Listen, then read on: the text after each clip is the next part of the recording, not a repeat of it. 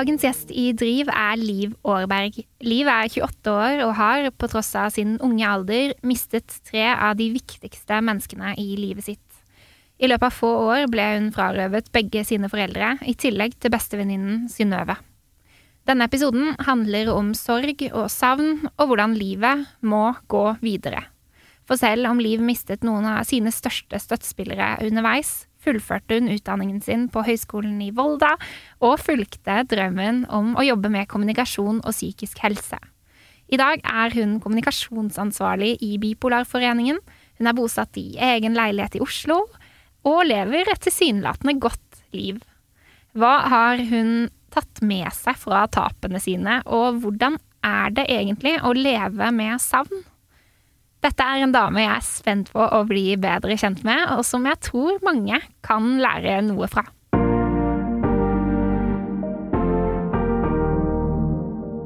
Da ruller vi i gang. yes. Um, velkommen hit, Liv. Tusen takk. Veldig hyggelig å ha deg her.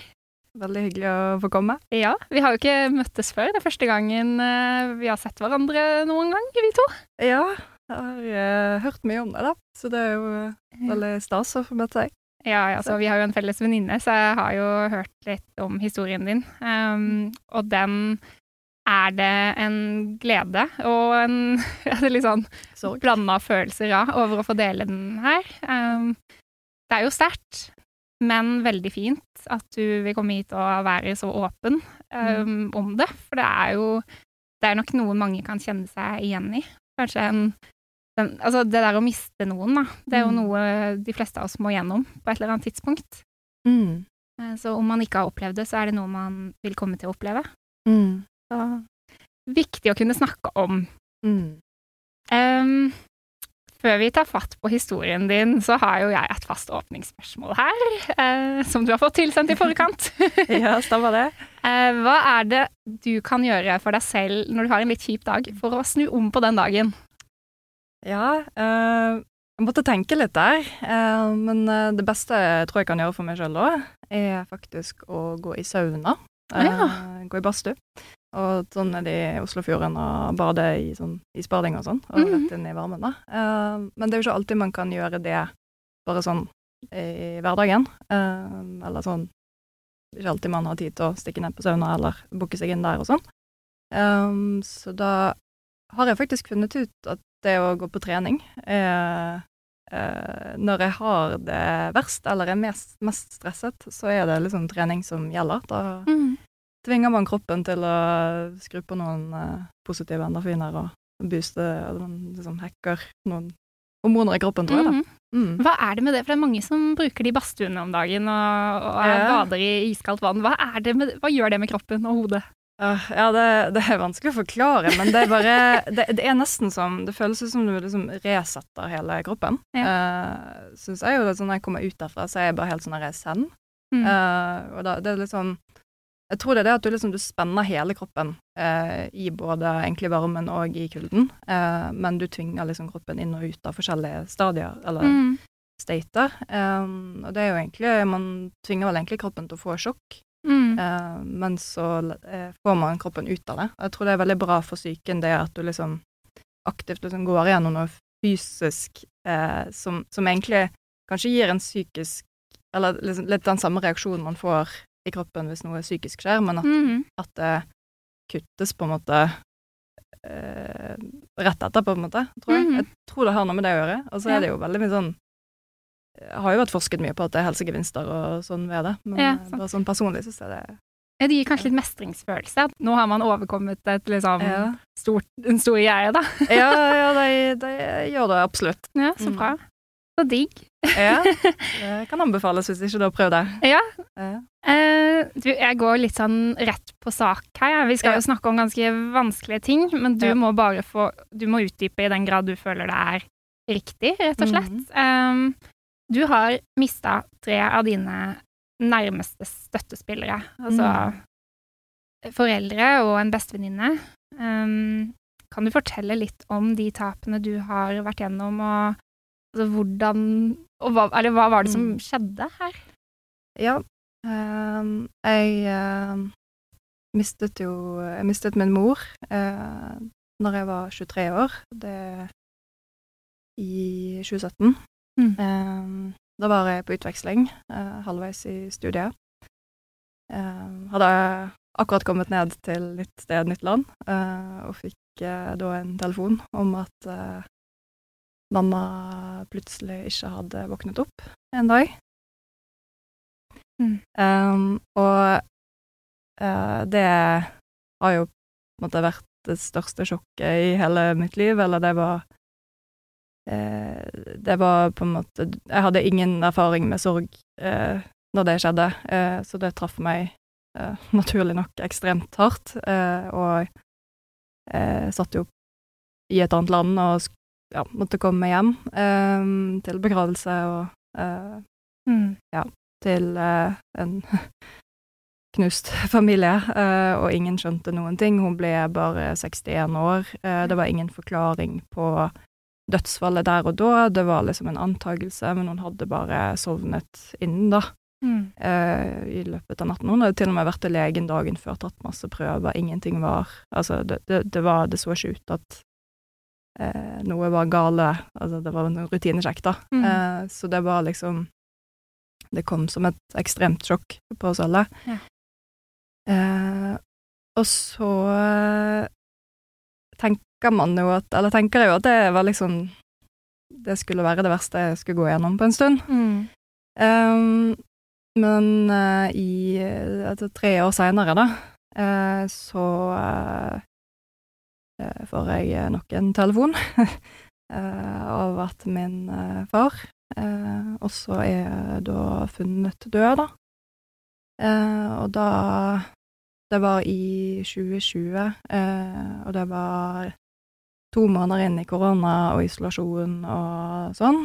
Eh, så da hadde ikke jeg sett han på en stund, eh, han bodde, eh, bodde da i Bergen, og jeg bor, bor i Oslo. Mm. Um, og fikk da beskjed Ja, beskjeden over telefonen, og liksom uh, Hadde blitt litt bekymret siden jeg ikke hadde hørt fra ham på noen dager, da. Um, og han også døde jo da veldig brått. Det var ingen sånn Det var ingen rundt han som så at han var syk. Han hadde hatt noe greier litt noen dager i forkant, men det var, det, det var ikke til å fange opp, på en måte. Mm. Um, så det Han ble 71 år gammel, tror jeg. Han rakk å leve et par år etter mamma. Um, men, uh, men det var jo også et, eh, et enormt sjokk, og et litt sånn derre uh, Skal jeg skal dette skje igjen, liksom, eller Mm. er, det, er det mulig, liksom? Ja, for på At- det tidspunktet så var du hvor gammel? Eh, 25, tror jeg jeg var. Mm. Ja, 25 år. Mm. Ehm, og det var jo bare Det, det var jo helt grusomt. Måtte Eller dro til Bergen igjen for å planlegge begravelse og ehm, alle de tingene der, og eh, trigget mye minner opp igjen fra min mor, og veldig sånn, ja Dobbel sorg i det, da, eh, Mm. på mange måter. Eh, og, og det å ikke ha, ha to foreldre, altså ikke ha noen foreldre, det er en, en egen sorg igjen. Mm. Eh, så da og, og du må også rydde opp i Altså, de bodde jo sammen og hadde eh, hadde livet sitt sammen, så da var det ikke så mye sånn dødsboting for oss å ordne opp i med mamma, men med pappa så ble jo meg og min søster, da, jeg har en søster, eh, stående igjen med eh, et kjempestort eh, dødsbo og liksom økonomi og eh, forsikringer og ting å ordne opp i, da, som bare var en liksom fulltidsjobb Mm. på toppen av alt. Um, blant annet med å selge et hus og rydde ut av 30 år med liv i det huset, og da um, hadde jeg med meg en venninne til Bergen um, for å hjelpe til med det, og familie. Eh, og en av de venninnene mine, da, eh, en veldig nær venninne av meg, som heter Synnøve, Mm. ehm, hun eh, hadde det veldig vanskelig på den tiden.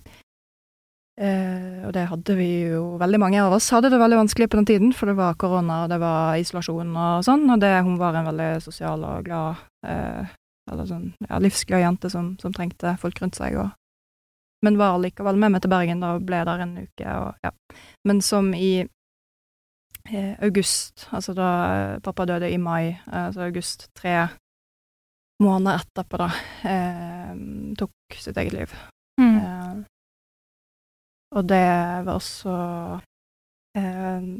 Hun var kanskje den personen jeg snakket mest med eh, i hverdagen og delte mest med eh, sånn fra dag til dag, og hun eh, spesielt det siste året med det siste dødsfallet, så, altså med pappa, da, så ble hun en, en enormt god støtte for meg, selv om hun hadde det vanskelig sjøl, og vi var der for hverandre, på en måte, da. Mm. Um, så jeg vet ikke hvor mye jeg skal gå inn i akkurat det, men det er jo en liksom ja, veldig sterk og traumatisk opplevelse i seg sjøl, det å miste henne i, i selvmord. da, jeg var Jeg tror kanskje jeg var en av de aller siste som snakket med henne før hun døde, og var veldig tett på henne den dagen hun døde, da.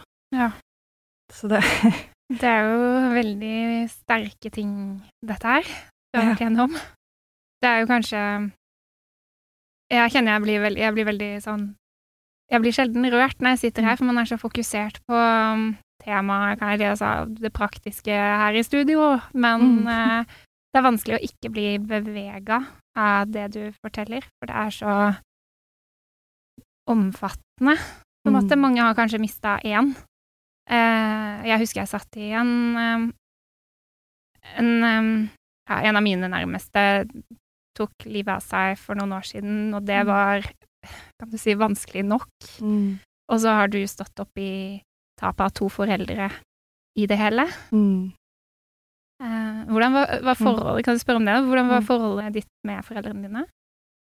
Ehm, litt forskjellig. Um, jeg hadde et veldig nært forhold til mamma. Mm. um, og det er jo liksom den litt den mor-datter-feelingen, og jeg var jo på en måte vei, på vei ut i verden og skulle, skulle ut i studerte og sånn, så hun, hun var jo en veldig god støtte, og hun var veldig varm og sånn omsorgsfull person og sånn, så hun hadde et eh, veldig nært forhold til hun. Jeg, hadde også et nært forhold til pappa, men ikke på samme måte. Mm. Eh, han var en litt annen type person, eh, mer praktisk av seg, og mer sånn Han stilte opp på litt sånn andre type måter, da. Eh, men vi hadde hadde ikke så like mye kontakt som meg og mamma. Eh, men det var også litt sånn de to, da, fordi hun sto liksom for den eh, kommunikasjonen, stort sett, da. Eh, ja, så jeg liksom kjenner meg jo kanskje aller mest igjen i mamma òg, altså at vi er kanskje mer like som personer, og Mm. at det blir en annen type sorg, da. Mm. Fordi vi,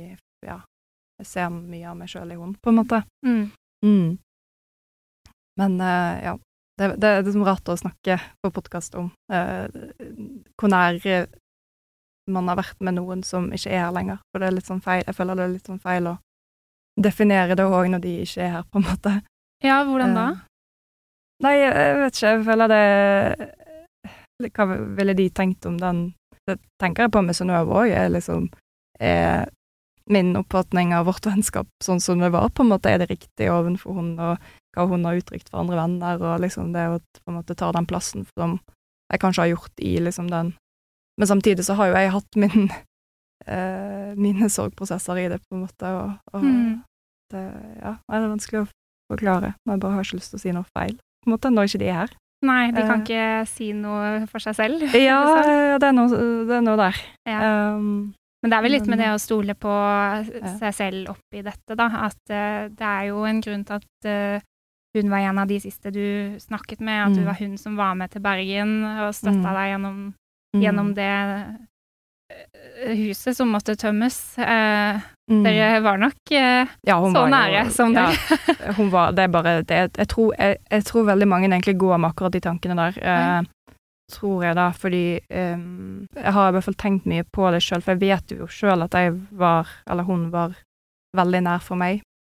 Er du litt eh, redd for å definere ditt forhold til Synnøve og ditt forhold til foreldrene dine eh, fordi du er usikker på om de ser det på samme måte? Mm, Nei, egentlig ikke. Nei. Det, det er jeg ikke.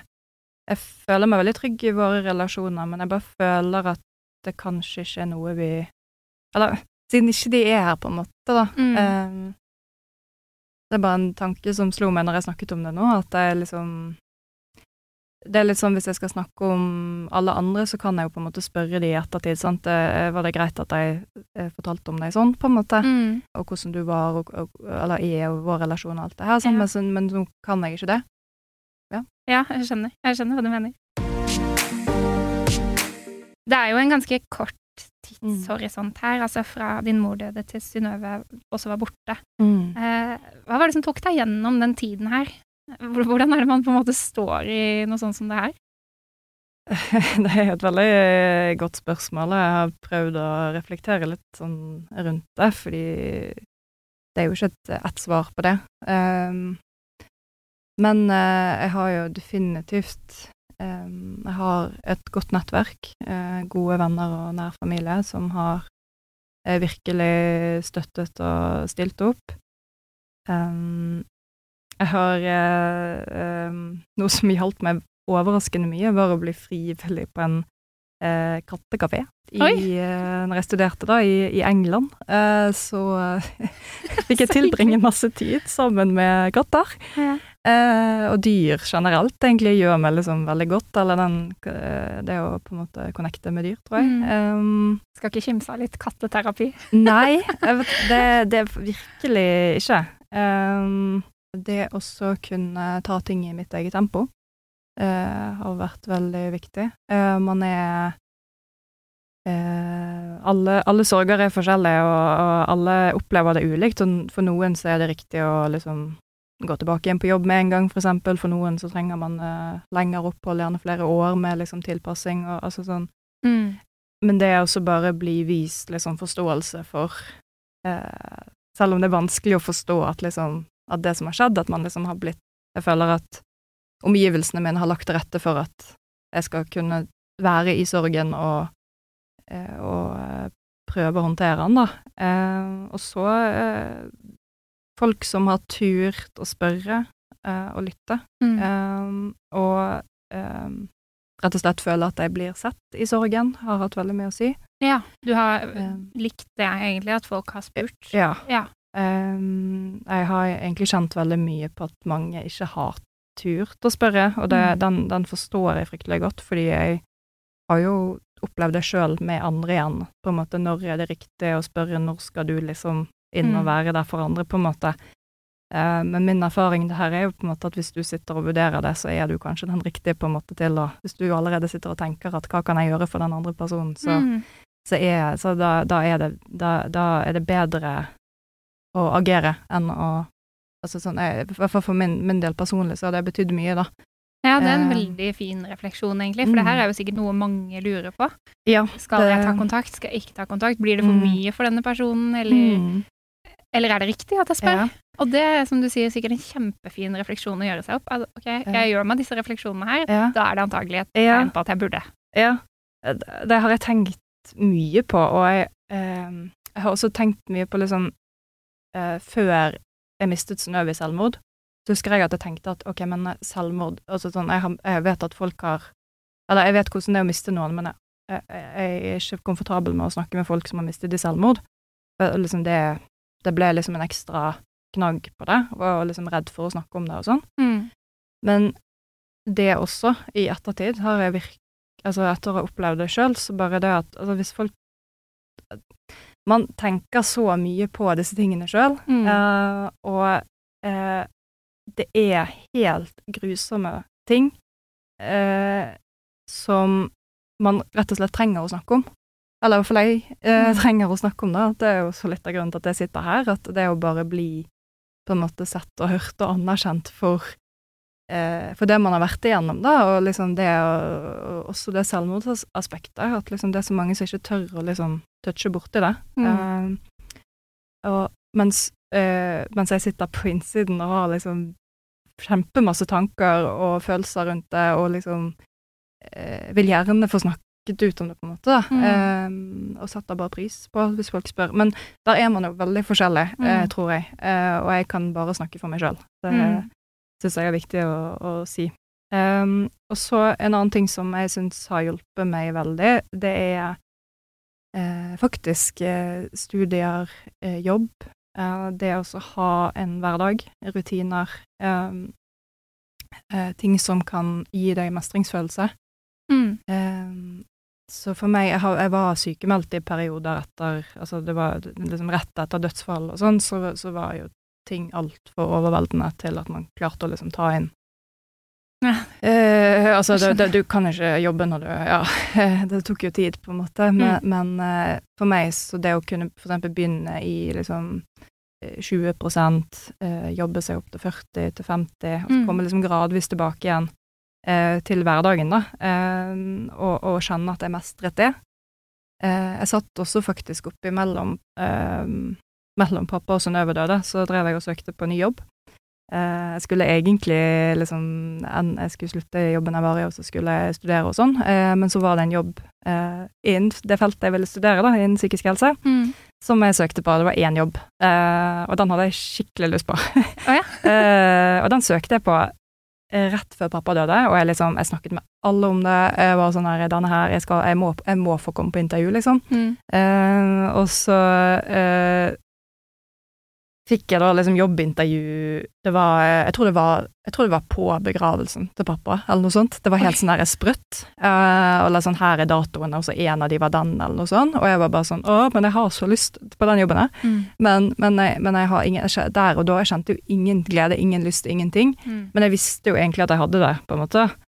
Eh, men der og da overskygget jo liksom alle de overveldende følelsene rundt pappa, eh, alt. Eh, men da avtalte jeg faktisk intervju med, med den jobben eh, uken etter jeg kom tilbake, eller noe sånt, fra begravelsen, da. Oi.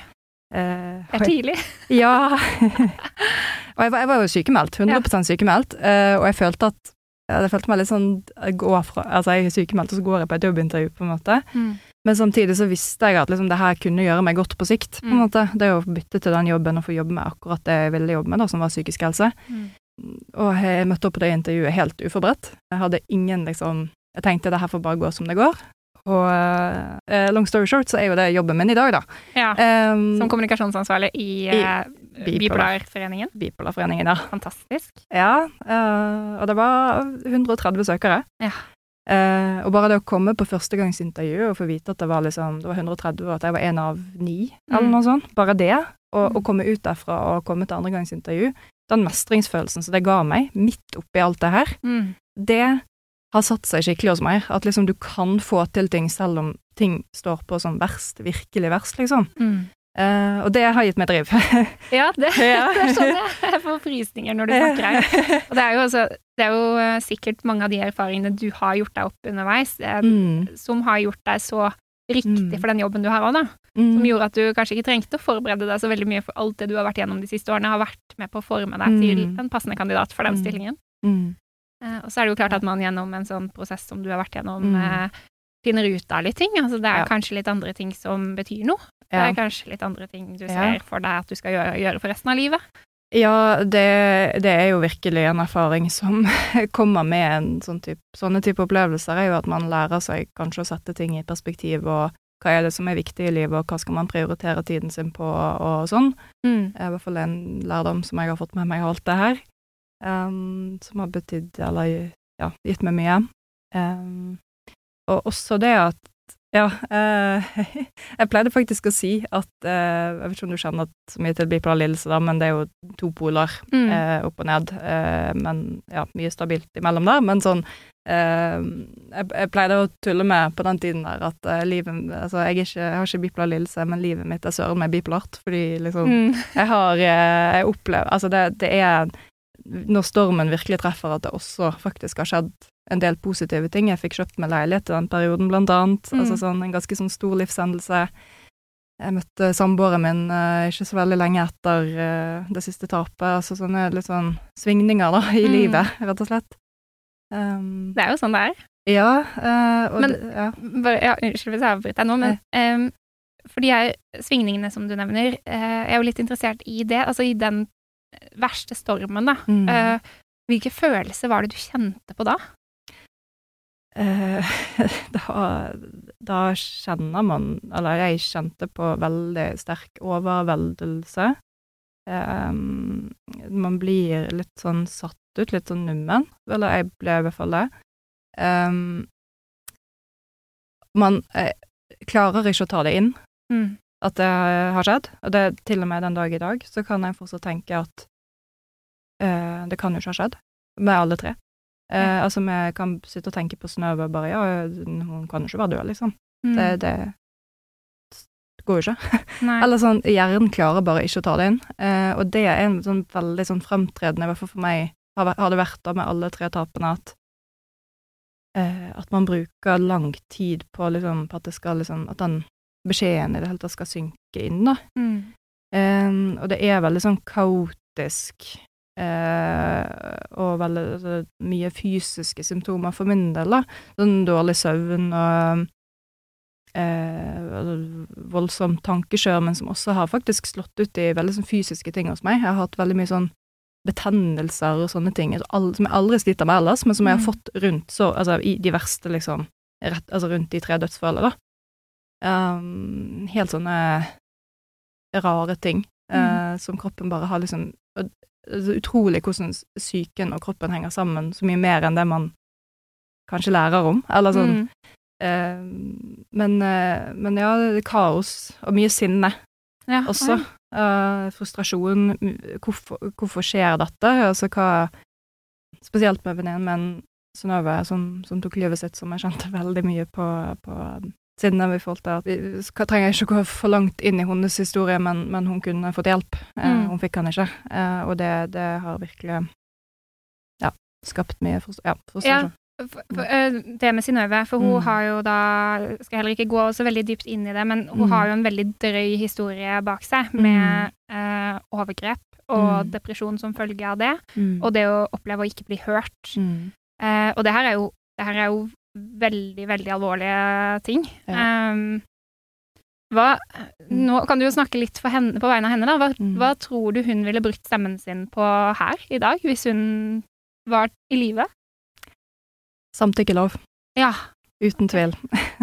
hadde Den hadde kanskje vært innført allerede, hadde det vært i hvert fall opp til hun. Mm. Eh, hennes eh, mål eh, etter at hun Altså, hun var så drivkraftig der. Hun bare, etter hun ble opp, utsatt for dette overgrepet, Mm. det første hun gjorde, var å gå rett til liksom, altså, Når hun kom ut av sjokket, så gikk hun liksom rett i, i rettens vei fordi at hun eh, Saken hennes ble henlagt hos politiet, og da gikk hun liksom Ja, men ok, da skal jeg endre på loven, da. Mm. Eh, fordi dette er ikke greit, sant? Eh, så hun hadde definitivt sittet her og snakket om samtykkelov og hvorfor vi trenger det i, i dag, da. Så bra. Åh, da, nå ble jeg glad, fordi nå er det Det er jo veldig oppe på dagsordenen om dagen, og jeg ja, håper og du aner ikke Altså, jeg har grått mine gledestårer eh, på Ja. vegne av, av den saken der, for, mm. på grunn av Synnøve, for jeg visste hvor viktig det var uh, for hun og for så mange andre ofre der ute. Mm. Um, og det har, det har faktisk Det har vært ting i politikken som har skjedd som følge av det, det dødsfallet òg, faktisk. Ja. Um, altså sånn Eller sånn Ikke som, som følge av, men som en Altså folk som har tatt tak i det og ville kjempe hennes sak Mm. um, innad i politikken, da. Ja, så bra. Mm. Eh, hvordan ser du på fremtiden nå, da? Eh, det er noe som jeg eh, spesielt i det siste kanskje har tenkt mye på, at eh, sorg er ikke bare fortid. Eh, sorg er eh, Sorgen kommer også gjennom livet, i, eh, altså, knyttet til livshendelser. Blant annet når jeg eh, fikk den jobben i Bipolarforeningen, så var det også en, en sorg for meg, fordi at jeg ikke kunne fortelle min mor det. Eh, som, eller min far, som er nå Um, og jeg har også tenkt mye på at jeg nesten liksom gruer meg litt til å få barn og gifte meg og sånne ting, fordi de ikke er der. Mm. De eh, For meg så er det så tydelig at eh, andre har noen som jeg eh, ikke har, da. Eh, og spesielt kanskje i et, sånt, i et bryllup eller sånn. At det blir veldig sånn tydelig med eh, Men også med barn, at jeg ikke kan spørre mamma om Mm. hvordan det er og sånn. Um, som jeg har tenkt mye på, spesielt etter jeg eh, fikk meg kjæreste. Uh, så var det liksom litt sånn større sånn framtidslivshendelser som plutselig ble veldig uh, reelle. Um, som traff meg, som egentlig har truffet meg ganske hardt. At liksom de jeg må også lære meg at de ikke er der i fremtiden. Mm. Uh, det er ikke bare fortiden, da. Og det tror jeg mange ikke tenker helt over. Og det tenkte jeg jo ikke over sjøl før jeg begynte å kjenne på at og nå, nå skulle jeg gjerne ha ringt mamma eller pappa nå, eller nå, Synnøve, eller altså sånn Mm. uh, Ja, og spesielt kanskje den der foreldrerollen i det der. Um, mm. Ja, i det daglige òg, og ikke bare, Ja, ikke bare ved de store ja, ja, ja. anledningene. Også absolutt i det daglige, men den hverdagen venner man seg litt til, på en Mm. måte, uten de. Men det er mer altså når det skjer sånne større ting også, med å kjøpe leilighet og liksom Bare litt sånn Mm. store livshendelser, for meg Ja. i hvert fall, da. Og du har sånn, lyst til å ringe de og fortelle om det, på en måte, og så tar du deg Ja. selv litt i Oi, de er jo ikke her. ja, er det det du- ja? Ja, det, ja, eller sånn eh, Hvis jeg skal Hvis jeg får barn, da, Mm. eller er så heldig at jeg får, får barn en gang, så kommer jeg til å gå gravid uten at jeg kan spørre mamma Mm. om råd, sant? Altså om, eller om eh, hvordan det var for hun, eller hvordan, altså, hva, det, hva var de tingene hun opplevde, hva er det som går i arv i familien, for, altså det er masse sånne spørsmål som jeg plutselig sitter med nå, som, som blir en sånn tilleggssorg, da, Mm. Um, som er veldig sårt, og som jeg håper at de som lytter kanskje kan eh, få en liten kanskje åpenbaring om at det er også kanskje en greie, da. I Mm. hvert fall for meg. Men Ja, gruer du deg litt til de tingene? eh, ja, litt. Mm. Eh, også fordi det er store ting som skal være positive, og så er det, så skjer det også mye på innsiden som ikke er så, så positivt med det, da. Det er jo Mm. ting jeg har lyst til. Virkelig. Men det er Mm. også eh, utfordrende situasjoner, da. Mm. Eh, altså, du har jo klart deg veldig godt i livet, må jeg få lov til å si. Det ser i hvert fall sånn ut når jeg møter deg her i dag. Du er jo en fantastisk eh, sprudlende og reflektert jente. eh, Og så ser man jo også på Instagram at du er mye på fart. Da. Du reiser Mm. og jobber, er aktiv, eh, aktiv i jobben din, eh, har egen leilighet. Mm. Altså, hva tror du disse menneskene, da disse tre, eh, ville vært mest stolt av i dag? Om de så deg? Oi. Eh, Det må vel lov å skryte litt også av seg selv her. Ja, det er sånn der jantelov. Nei, jeg er litt imot uh, jante... Eller sånn hele den her eh, At man ikke skal kunne liksom snakke bra om de tingene man får til òg. Det tenker jeg er viktig, det òg. Og det er jo litt av det som egentlig driver meg. Eh, mye er jo å på en måte se at jeg kan få til ting, Mm. eh, til tross for. Um, nesten til og med på grunn av altså at man liksom får nesten Altså for min del nesten fått en ekstra sånn I hvert fall i forhold til psykisk helse, da. At jeg liksom Nå skal jeg i hvert fall gjøre en god jobb, liksom. Mm. Uh, må nå bruke det her for noe det som det er verdt. Uh, men også med sorgen. Jeg føler liksom at ja, at man uh, i møte med andre mennesker så får man en liksom dypere forståelse og sånn.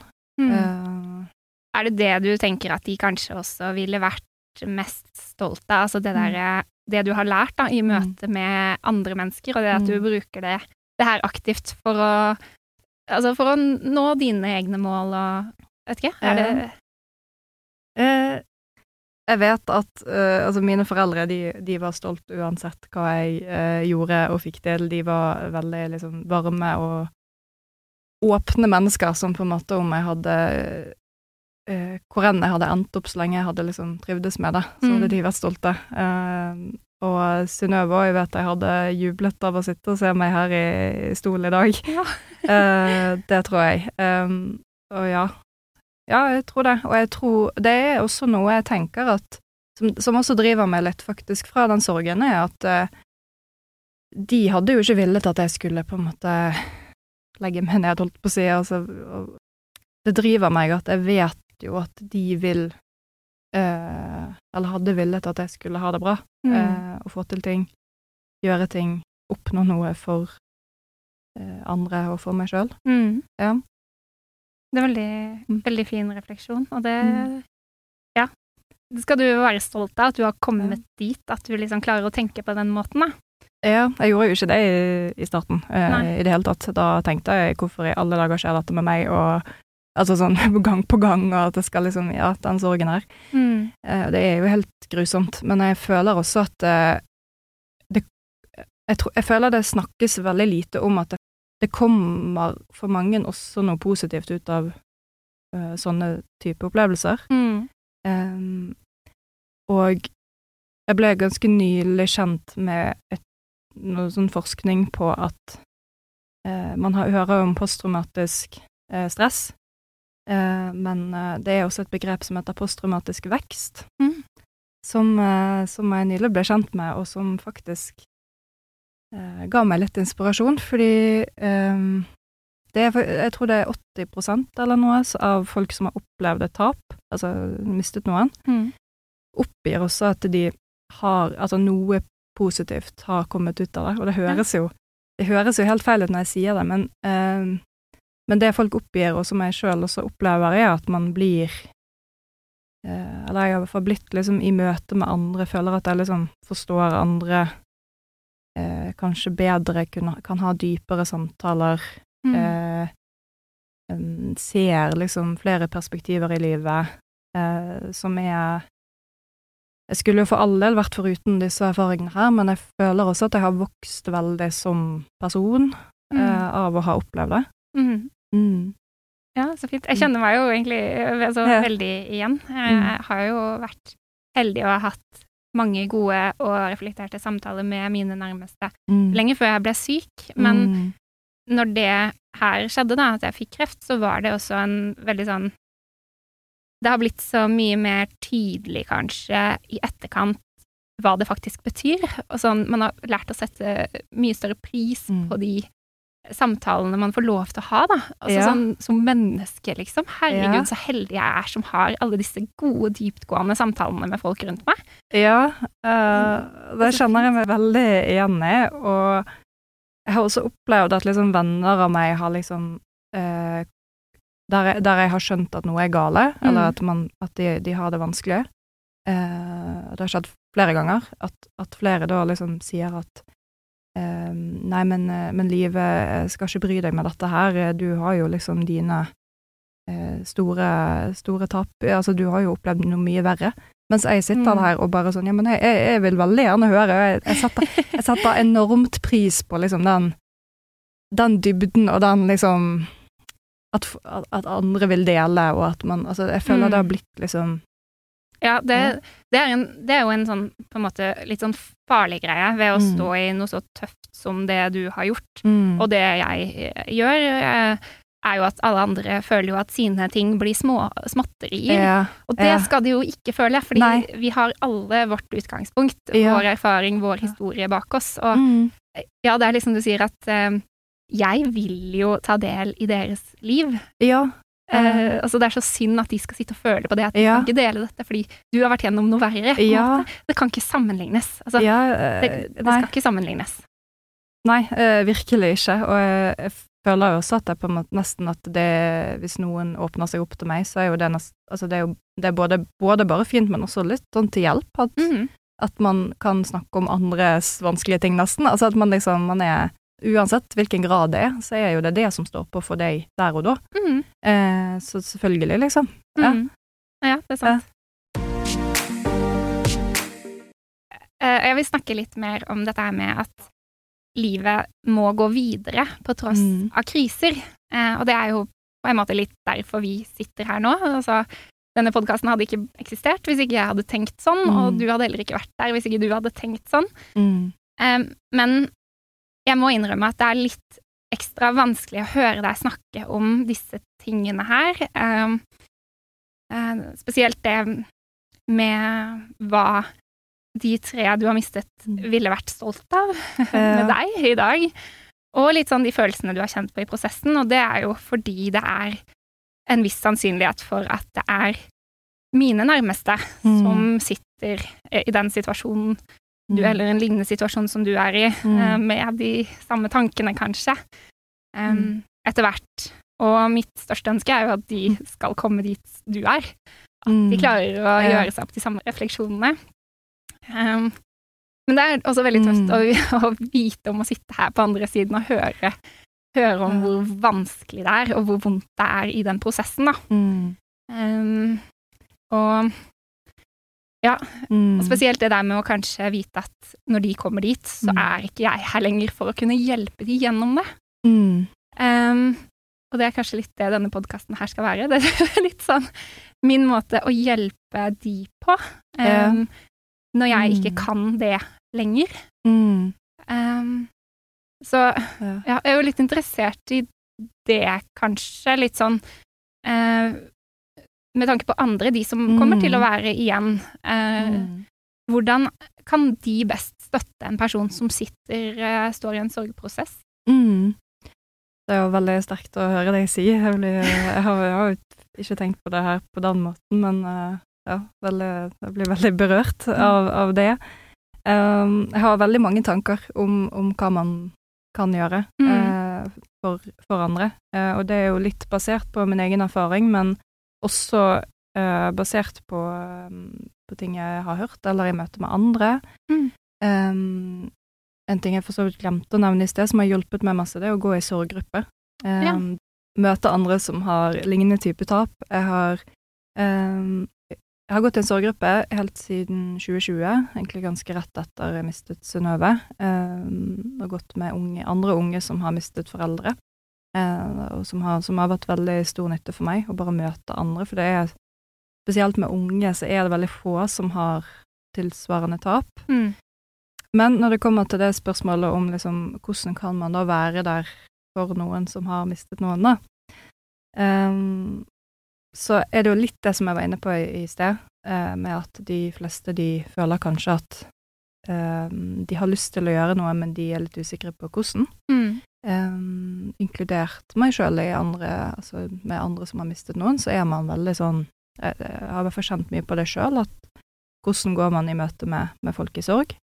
Eh, og hva er riktig, og hva er ikke? Og da er det jo ingen fasit, men jeg tenker, som jeg sa i sted, at hvis man sitter med den tanken, så Altså, du sitter sjøl og tenker at jeg vil gjøre noe, Mm. så er det riktig å gjøre noe. Eh, da er du sannsynligvis en person som det er riktig at du gjør noe, da, tenker jeg. Eh, og da er det mange ting man kan gjøre, men jeg tenker det viktigste er å vise at man er der. Eh, altså at man er villig til å, å både gi av tiden sin, eh, vise at man tåler å høre, Mm. eh, og vise at liksom eh, man er der ikke bare rett etter det har skjedd, men at man også er der over tid.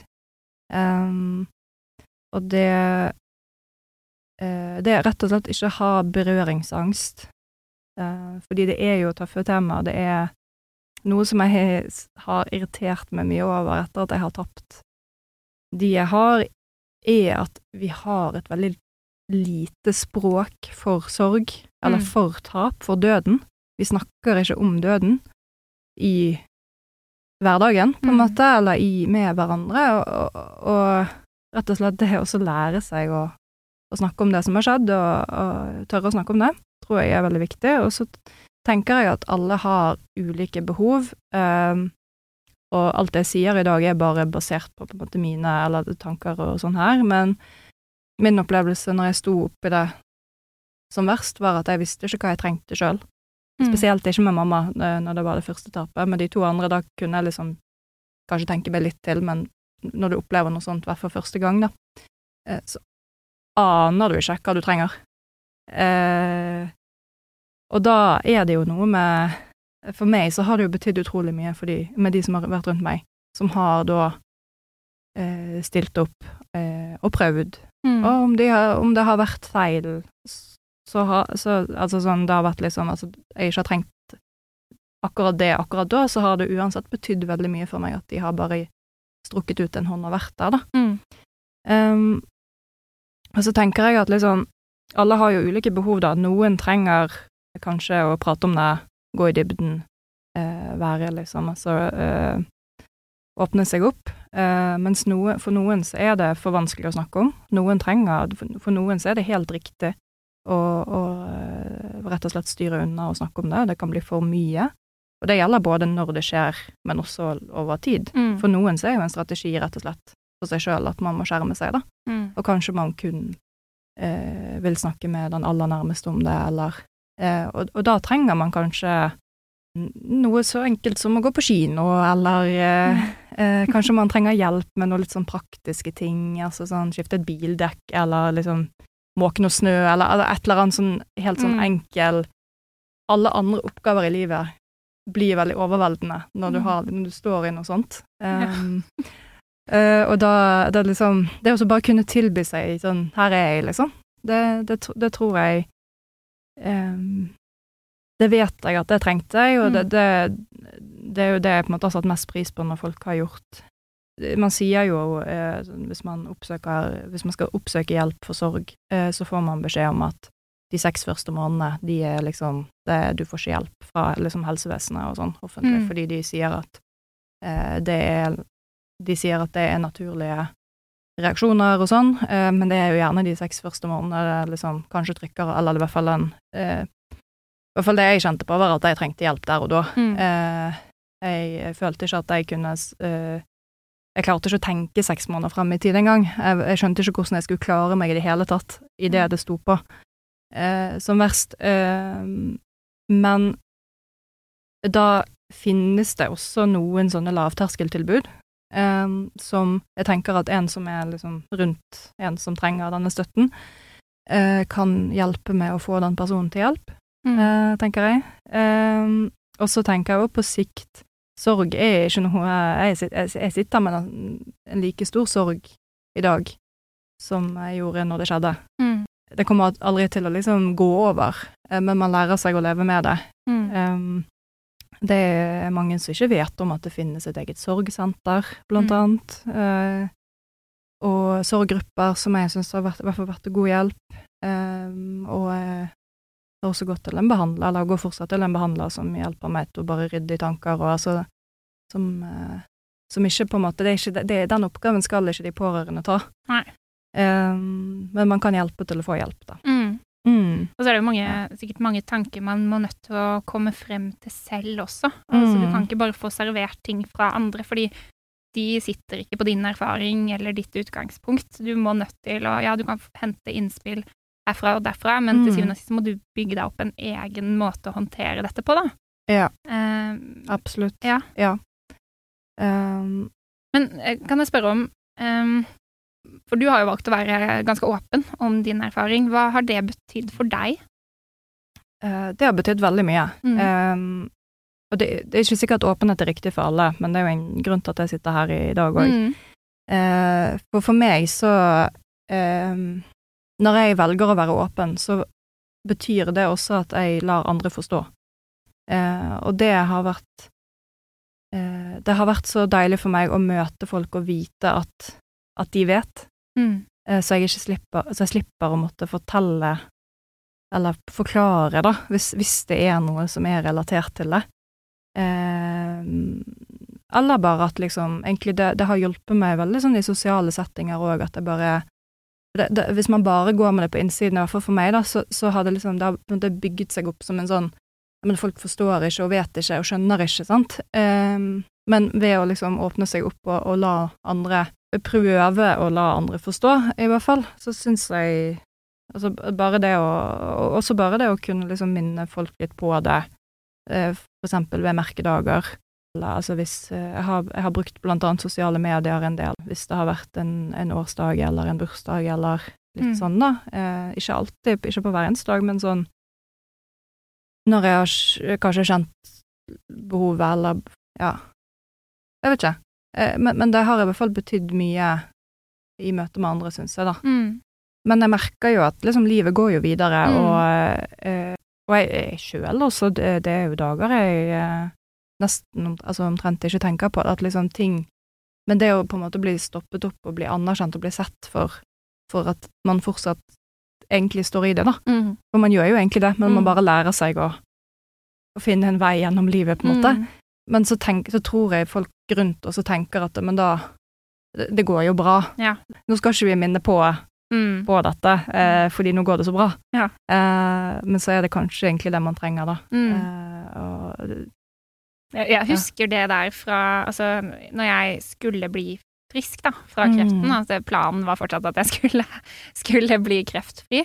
Så husker jeg syns det var Noe av det vanskeligste var faktisk eh, det der at nå skal livet og verden gå videre, og Mm. folk skal glemme eh, Nå glemmer vi den kreften, nå Ja. er det bak oss. Og så Ja, sitter er jeg der med liksom okay, Ja. masse tanker, masse senskader, masse ting som har endra seg av dette store, svarte spetakkelet som inntraff, liksom. Ja, Og så endte jo jeg med at nå skal jeg leve med denne kreften, så nå kommer jo folk aldri til å glemme. Nei. Så det er jo sånn sett eh, Mm.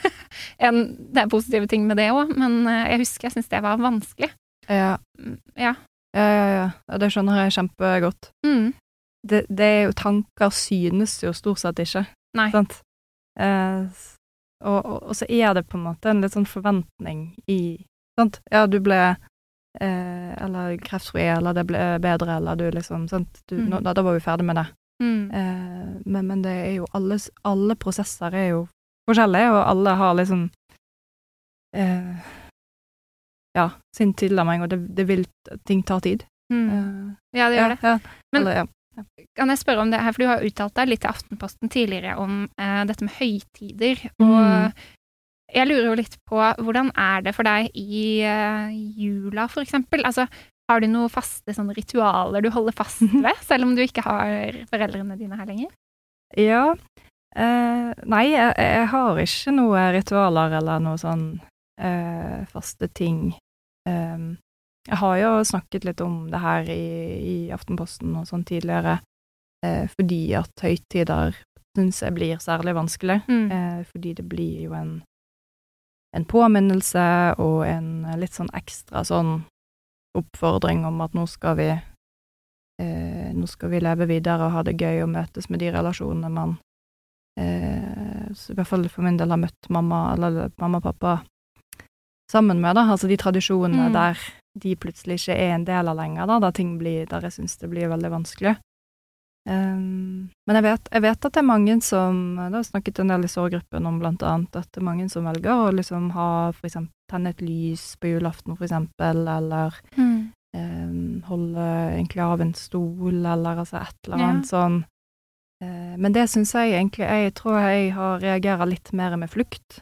Uh, altså Istedenfor å face det, på en måte, eller å gjøre noe aktivt, så tror jeg at jeg på en måte prøver å distansere Eller liksom det, det blir så overveldende for meg at jeg trenger å ikke gjøre noe, på en måte, da. At jeg Mm. liksom Jeg må prøve å skjerme meg fra det fordi det blir så vondt, Mm. eh, på en måte. Men da tror jeg Men får du da bearbeida og prosessert eh, de her følelsene dine eh, godt nok? Jeg vet ikke. Nei. uh, jeg lurer på det da hver dag, om Ja. jeg på en måte egentlig Men samtidig føler jeg jo at det stort sett går bra med meg, men at det i selvfølgelig da i perioder er skikkelig tøft, Mm. eh, og da særlig i, i høytidene. Um, men det føler jeg, det vil, det- det vil det være, selv om jeg har et ritual eller ikke, Mm. på en måte. Men jeg, ja, men jeg, jeg syns det er vanskelig, altså. Eh, eh, skikkelig vanskelig, sånn i Mm. Ja. Og, og hva liksom andre forventer av deg òg. Mm. Eh, også med jul, for da forventer kanskje folk litt òg at ja, det er litt tøft for deg, på en måte. Ja. Men eh, jeg har Ja, den derre Å ja, jeg tenker på deg Mm. i jula nå. Ja. Det, du får ha det så bra som Ja. du kan ha det, liksom. Den der, altså. Ja, jeg, setter veldig pris på at folk altså Uansett, selv om det ikke passer meg der og da, så setter jeg veldig pris på at folk bare sender en sånn melding, Okay, eller ja.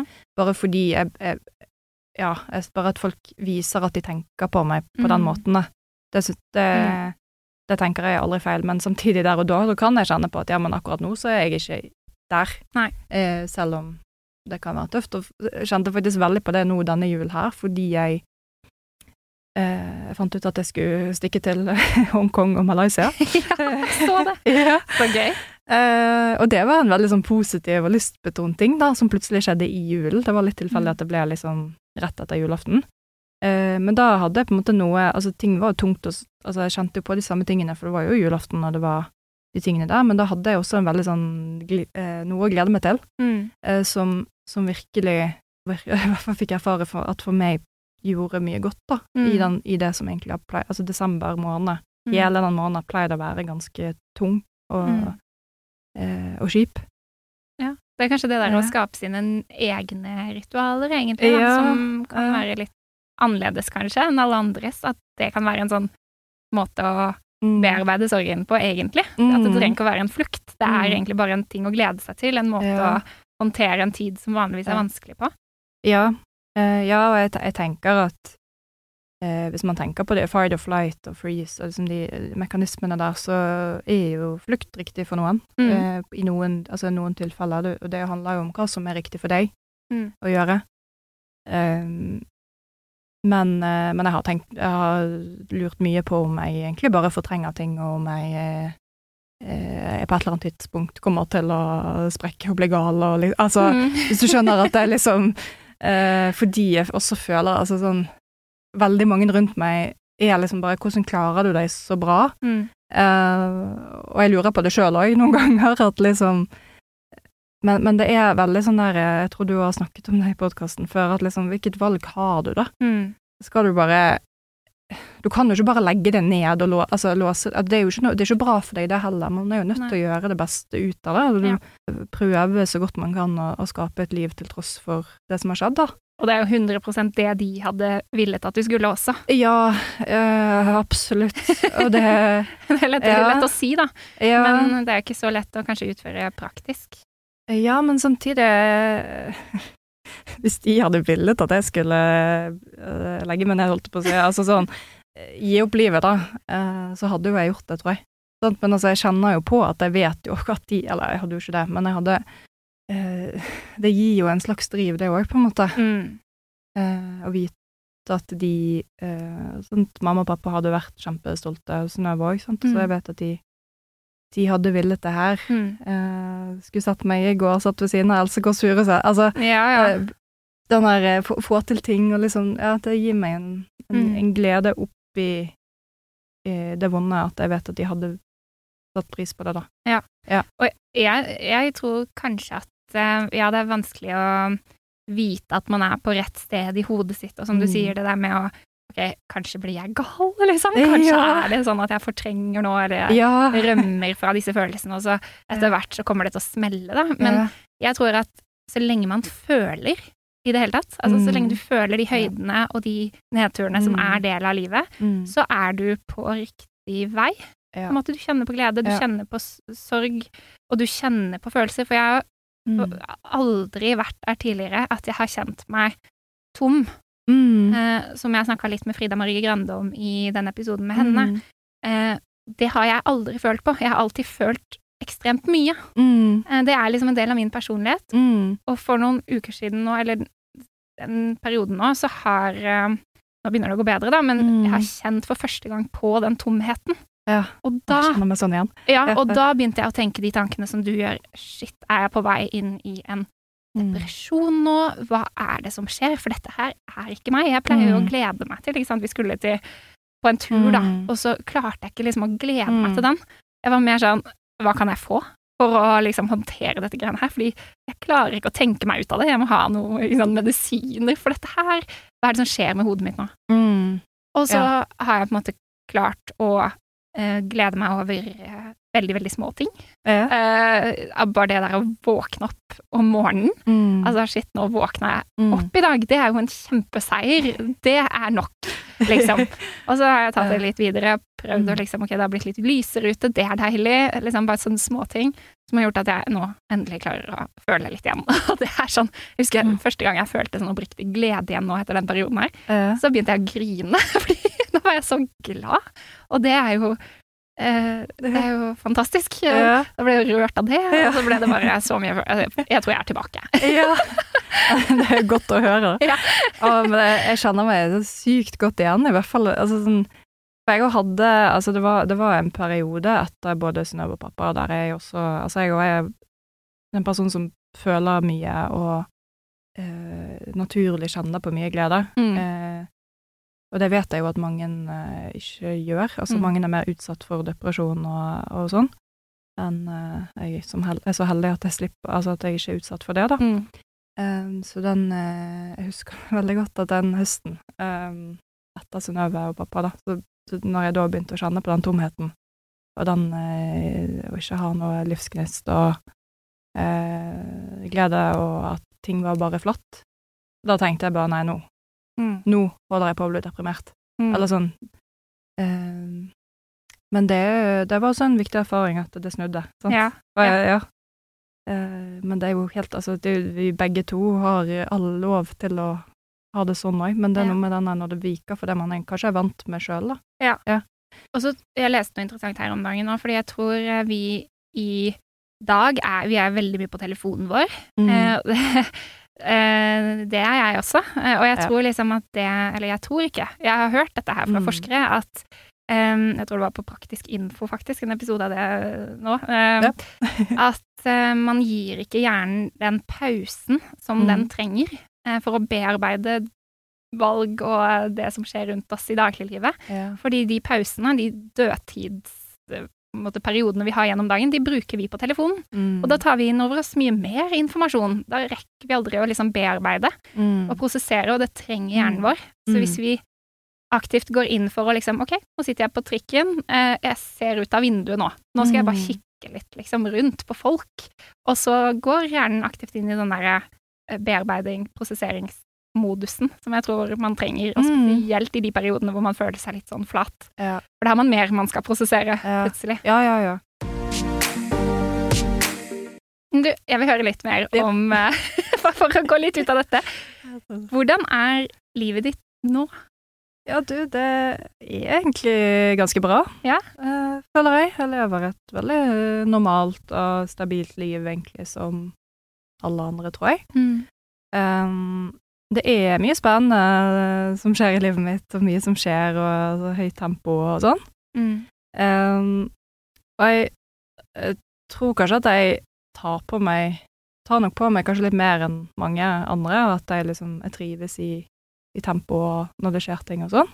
Det kan jo være personlighet, men jeg tror også det er en liten sånn respons på alt som har skjedd. Mm.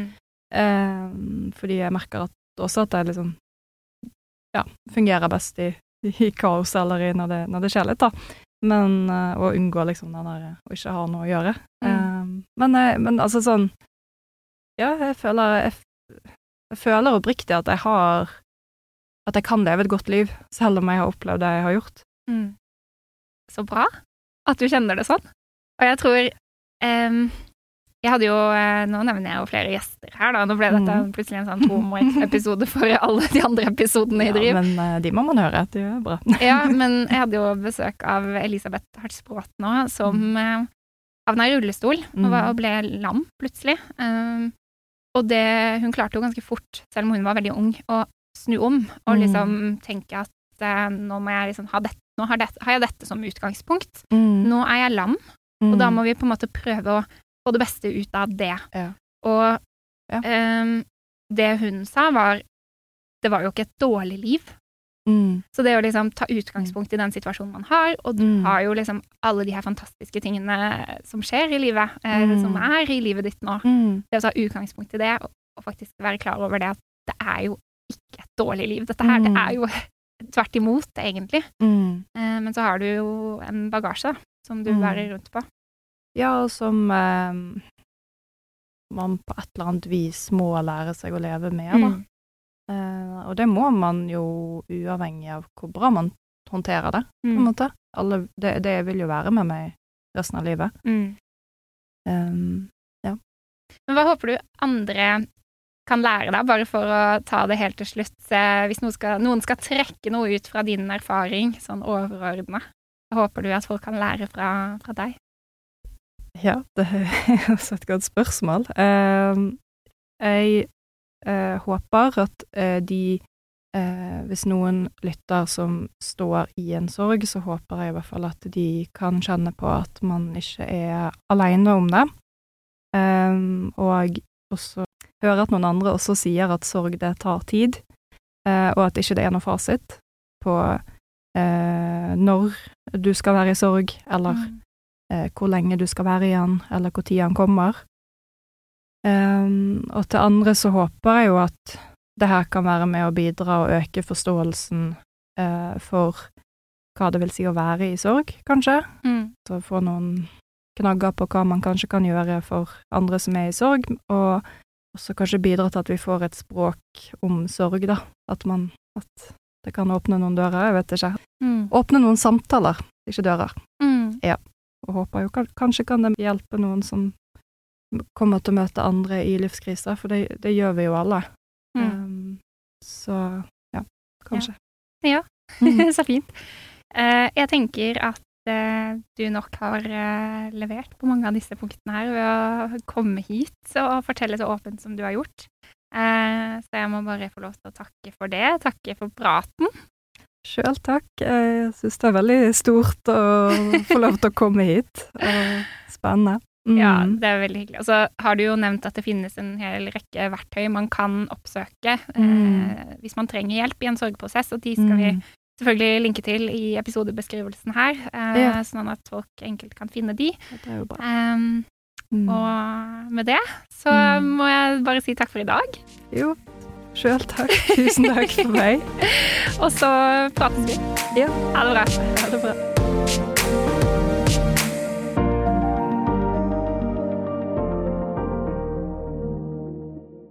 Hvis du likte dagens episode, trykk gjerne abonner på denne podkasten for å bli varslet om nye episoder som kommer. Har du feedback, ris, ros eller andre innspill, finn meg gjerne i sosiale medier. På Instagram heter jeg Maren WJ. Vi snakkes!